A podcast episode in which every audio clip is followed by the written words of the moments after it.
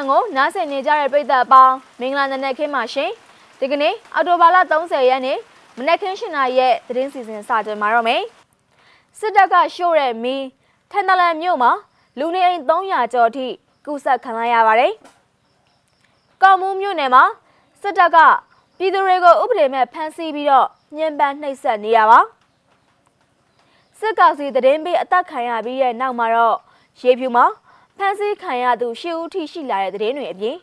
ရန်ကုန်တောင်တကုံမြို့နယ်မှာဘုံပေါက်ကွဲခဲ့တဲ့သတင်းတွေကိုတင်ဆက်ပေးပါတော့မယ်ပထမဆုံးသတင်းကတော့ချင်းပြည်နယ်ထန်တလန်မြို့နယ်မှာမနေ့ကမနက်10:00နာရီခန့်ကနေစတင်ပြီးတော့စစ်ကောင်စီတပ်တွေဟာမြို့ရင်းကိုလက်နက်ကြီးတွေနဲ့ရန်တမ်းပစ်ခတ်မှုကြောင့်လူနေအိမ်တွေမီးလောင်ကျွမ်းနေပြီးတော့ည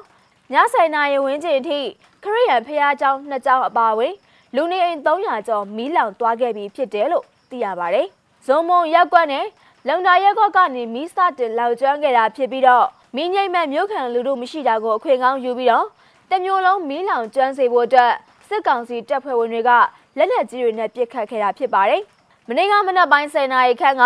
စစ်ကောင်စီတပ်သားတွေဟာ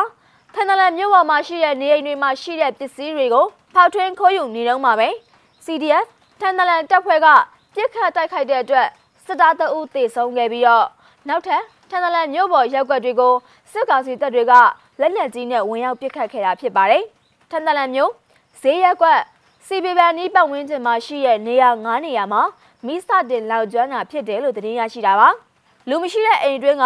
ဆန်နဲ့စားတောက်စရာတွေကိုစစ်ကောင်စီတပ်သားတွေကယူဆောင်ပြီးတဲ့နောက်မှာတော့အဲ့ဒီနေအိမ်ကိုမီးရှို့ခဲ့ရတာတွေမိစတင်လောင်ကျွမ်းတာဖြစ်ပြီးတော့စ နစ်တကျမင်းငိမ့်တက်မဲ့လို့မရှိဘူးလို့လည်းသိရပါတယ်။ပြီးခဲ့တဲ့စက်တင်ဘာလ18ရက်နေ့ကလည်းစစ်ကောင်စီတပ်ဖွဲ့ကလက်နက်ကြီးနဲ့ပစ်ခတ်မှုကြောင့်ထနလန်မြို့မှာရှိတဲ့လူနေတွေမီးလောင်ကျွမ်းခံခဲ့ရပြီးတော့မြို့ခံတွေထပ်ပြေးတိမ်းရှောင်ခဲ့ရသလိုစစ်ကောင်စီလက်ပါစီတပ်တွေနဲ့ CDF တို့ထိတ်တိုက်ထိတွေ့မှုတွေရှိခဲ့ပြီးတော့အသေးပြောက်အပါဝင် လူဦးရေတောင်းချီကျော်ဟာစစ်ဘေးရှောင်နေကြရတာပဲဖြစ်ပါတယ်ရှင်။အခုဆက်ပြီးတင်ဆက်ပေးမှာကတော့ ကော့မှုမြို့နယ်ကတရေမှာရန်ကုန်တိုင်းကော့မှုမြို့နယ်မှာအကြမ်းဖက်စစ်ကောင်စီတပ်တွေကပြည်သူတွေကိုဖမ်းဆီးစစ်ဆေးမှုတွေလှုပ်ဆောင်နေရမှာအမျိုးသမီးနှစ်ဦးဖြစ်တဲ့ဒေါက်ခေအောင်မကိုဥကောင်းတန်ရရရှိတဲ့အထိ၎င်းဒေါ်ဖြူဖြူထွေးကိုတော့လက်ကျိုးခဲ့တဲ့အထိညှဉ်းပန်းနှိပ်စက်ကြကြောင်းသိရပါတယ်။ကော့မှုမြို့နယ်ဖျားလန်းရပ်ကွက်မှာအော်တိုဘာလ26ရက်နေ့ကဒလန်သတင်းပေးမှုကြောင့်ရက်ကွက်နယ်ပြည်သူတွေဖမ်းခံခဲ့ရပြီးတော့တောင်းအပြင်းထန်ဒဏ်ရာရရှိခဲ့တယ်လို့ ဒေါခင်အောင်မာကတော့ဦးကောင်းဒဏ်ရာနဲ့ဒေါ်ဖြူဖြူထွေးကတော့လက်ကျိုးဒဏ်ရာတွေနဲ့တကောလုံးနှိမ့်ဆက်ဒဏ်ရာတွေရရှိခဲ့တာဖြစ်ပြီးတော့နှစ်ဦးစလုံးဟာတတိလင့်မိမျောသွားတယ်လို့သိရပါတယ်။မက်ဖြူဖြူထွေးတတိရလာလို့ရဲစခန်းကလာပြန်ခေါ်သွားတယ်။စင်မေးရဲနဲ့လက်ကျိုးသွားတယ်လို့ကြားတယ်။ရိုက်နှက်ထားတာလေတကောလုံးထိတောင်မခံနိုင်ဘူး။စိတ်ကူတာခွေလည်းမပေးဘူး။ဒေါခင်အောင်မာကတော့သူတို့ပြန်သွားပြီးတတိပြန်ရလာတယ်။ဘာသာစာအန်နဲ့ သူဘာဖြစ်ခဲ့လဲဆိုတာတော့မေးလို့မရသေးဘူးမျက်လုံးတွေကြီးပဲတိထိုးခံရရလားမသိပါဘူးညုံမဲနေတာပဲလို့နီးစပ်သူတို့ကပြောခဲ့တာပါနောက်ထပ်တင်ဆက်ပေးချင်တဲ့သတင်းကတော့စစ်ကောင်စီသတင်းမေးတွေတက်ခံရပြီးတဲ့နောက်မှာတော့ရေဖြူမှာဖမ်းဆီးခံရသူရှေ့ဦးထိရှိလာတဲ့သတင်းမှာတနင်္လာရီတိုင်းဒေသကြီးရေဖြူမြို့နယ်ခမောက်ချောင်းကျေးရွာမှာအော်တိုဘာလ29ရက်နေ့နေ့လယ်ပိုင်းကညီကိုနှစ်ဦးကိုထပ်မံဖမ်းဆီးခံရတာကြောင့် ဖမ်းဆီးခံရသူပြည်သူရှစ်ဦးထိရှိလာခဲ့ပြီးတော့တပ်ဦးသေဆုံးခဲ့တယ်လို့ဒေသခံတွေစီကနေတစင်သိရပါတယ်။မနေ့ကနေ့လယ်ပိုင်းကရေဖြူမြို့နယ်ခမောက်ချောင်းရွာသားနှစ်ဦးဖြစ်တဲ့ကိုနိုင်ထိုးနဲ့ကိုညီငယ်တို့ကို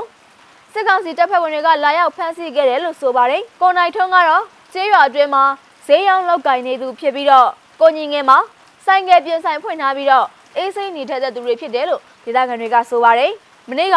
ကိုနိုင်ထုံးနဲ့ကိုညီငယ်တို့ညီကိုနှစ်ဦးကို စစ်ကောင်စီတွေကအိမ်လက်စာအတိအကျနဲ့ဖမ်းသွားပုံရှိတယ်။ဒလန်မိုးဟိန်းသေပြီးရဲ့နောက်ပိုင်းအဖမ်းခံရတာမနှဲတော့ဘူး။ဝက်ချောင်းကအသက်80ကျော်အဖိုးတယောက်ကလည်းအဖမ်းခံရပြီးနောက်ပိုင်းတည်သွားတယ်လို့ဒေသခံတအုပ်ကပြောကြားခဲ့ပါတယ်။အော်တိုဘာလ20ရက်နေ့ကခမောင်ချောင်းရွာသားဒလန်မိုးဟဲအသက်ခံရပြီးတဲ့နောက်မှာတော့စစ်ကောင်စီတပ်ဖွဲ့ဝင်တွေကခမောင်ချောင်းကျေးရွာနဲ့အနီးကျေးရွာတွေကိုဝင်ရောက်ရှာဖွေတာတွေဖမ်းဆီးတာတွေလုပ်နေတာပဲဖြစ်ပါတယ်။အော်တိုဘာလ20ရက်နေ့ညမှာ ရေဖြူမြို့နယ်ဝက်ချောင်းကျေးရွာသားဦးကြည်သိန်းကိုစစ်ကောင်စီတပ်ဖွဲ့ဝင်တွေကဖမ်းဆီးသွားပြီးနောက်ပိုင်းအော်တိုဘာလ22ရက်နေ့မှာတေဆုံးသွားခဲ့တယ်လို့သိရတာပါ။နောက်ဆုံးတင်ဆက်ပေးခြင်းတဲ့သတင်းကတော့ရန်ကုန်တိုင်းသာနကုံမြို့နယ်မှာဘုံပေါက်ကွဲခဲ့တဲ့တဲ့တင်မှာစစ်ကောင်စီတပ်တွေကနေရာအနှံ့အပြားမှာလုံခြုံရေးယူထားတယ်။ရန်ကုန်တိုင်းသာနကုံမြို့နယ်မှာတော့မနေ့ကအောက်တိုဘာလ29ရက်နေ့နေ့လယ်2:42မိနစ်အချိန်မှာမိုင်းတလုံးပောက်ကွဲခဲ့ပါတယ်။ တာနကုံ16ရက်ကွက်ရေကူးလက်နဲ့ဇေယျများလိုင်းစုံရထိပ်မှာပောက်ကွဲခဲ့တာဖြစ်ပြီးတော့အဲ့ဒီဖောက်ခွဲမှုကို F2Y အဖွဲ့နဲ့ AIMS အဖွဲ့တို့ကပူးပေါင်းလှုပ်ဆောင်ခဲ့တာဖြစ်ကြောင်းသူတို့ကသတင်းထုတ်ပြန်ထားပါတယ်။ရွာသားကြီးတရချောင်းလမ်းဆောင်ကိုမင်းအောင်လိုင်းလာမယ်လို့ကြားတယ်။အခုလာတဲ့စိတ်ရင်တန်းကတော့မောင်းမကန်လမ်းကနေနက်စင်ဘက်ကိုထွက်သွားတာ။အဲဒါကြောင့်တာနဂုံမှာအင်အားအပြည့်နဲ့နေရာတိုင်းခြေရှုပ်နေတာမနဲ့အစောကြီးတွေကပါ။ကျွန်တော်တို့ကတော့ သူတို့လာမဲ့နေရာမှာမိုင်းနှလုံးခွဲတာတလုံးမဲ့ခွဲသွားတယ်။တရားရရှိမှုအချိန်တွေကတော့တေချာမသိရသေးပါဘူးလို့ F2Y မြို့ပြပြောက်ကြားတပ်ဖွဲ့ဝင်တအုပ်ကပြောကြားခဲ့ပါတယ်။အော်တိုဘာလ30ရက်နေ့မနက်ခင်း7:00နာရီထိနောက်ဆုံးရရှိထားတဲ့သတင်းတွေကိုတင်ဆက်ပေးခဲ့တာပါ။နားဆင်ပေးခဲ့တဲ့အတွက်ကျေးဇူးတင်ပါတယ်။အားလုံးပဲကျမ်းမာရှင်လန်းနဲ့တနေ့တာခရီးကိုဖြတ်သန်းနိုင်ကြပါစေရှင်။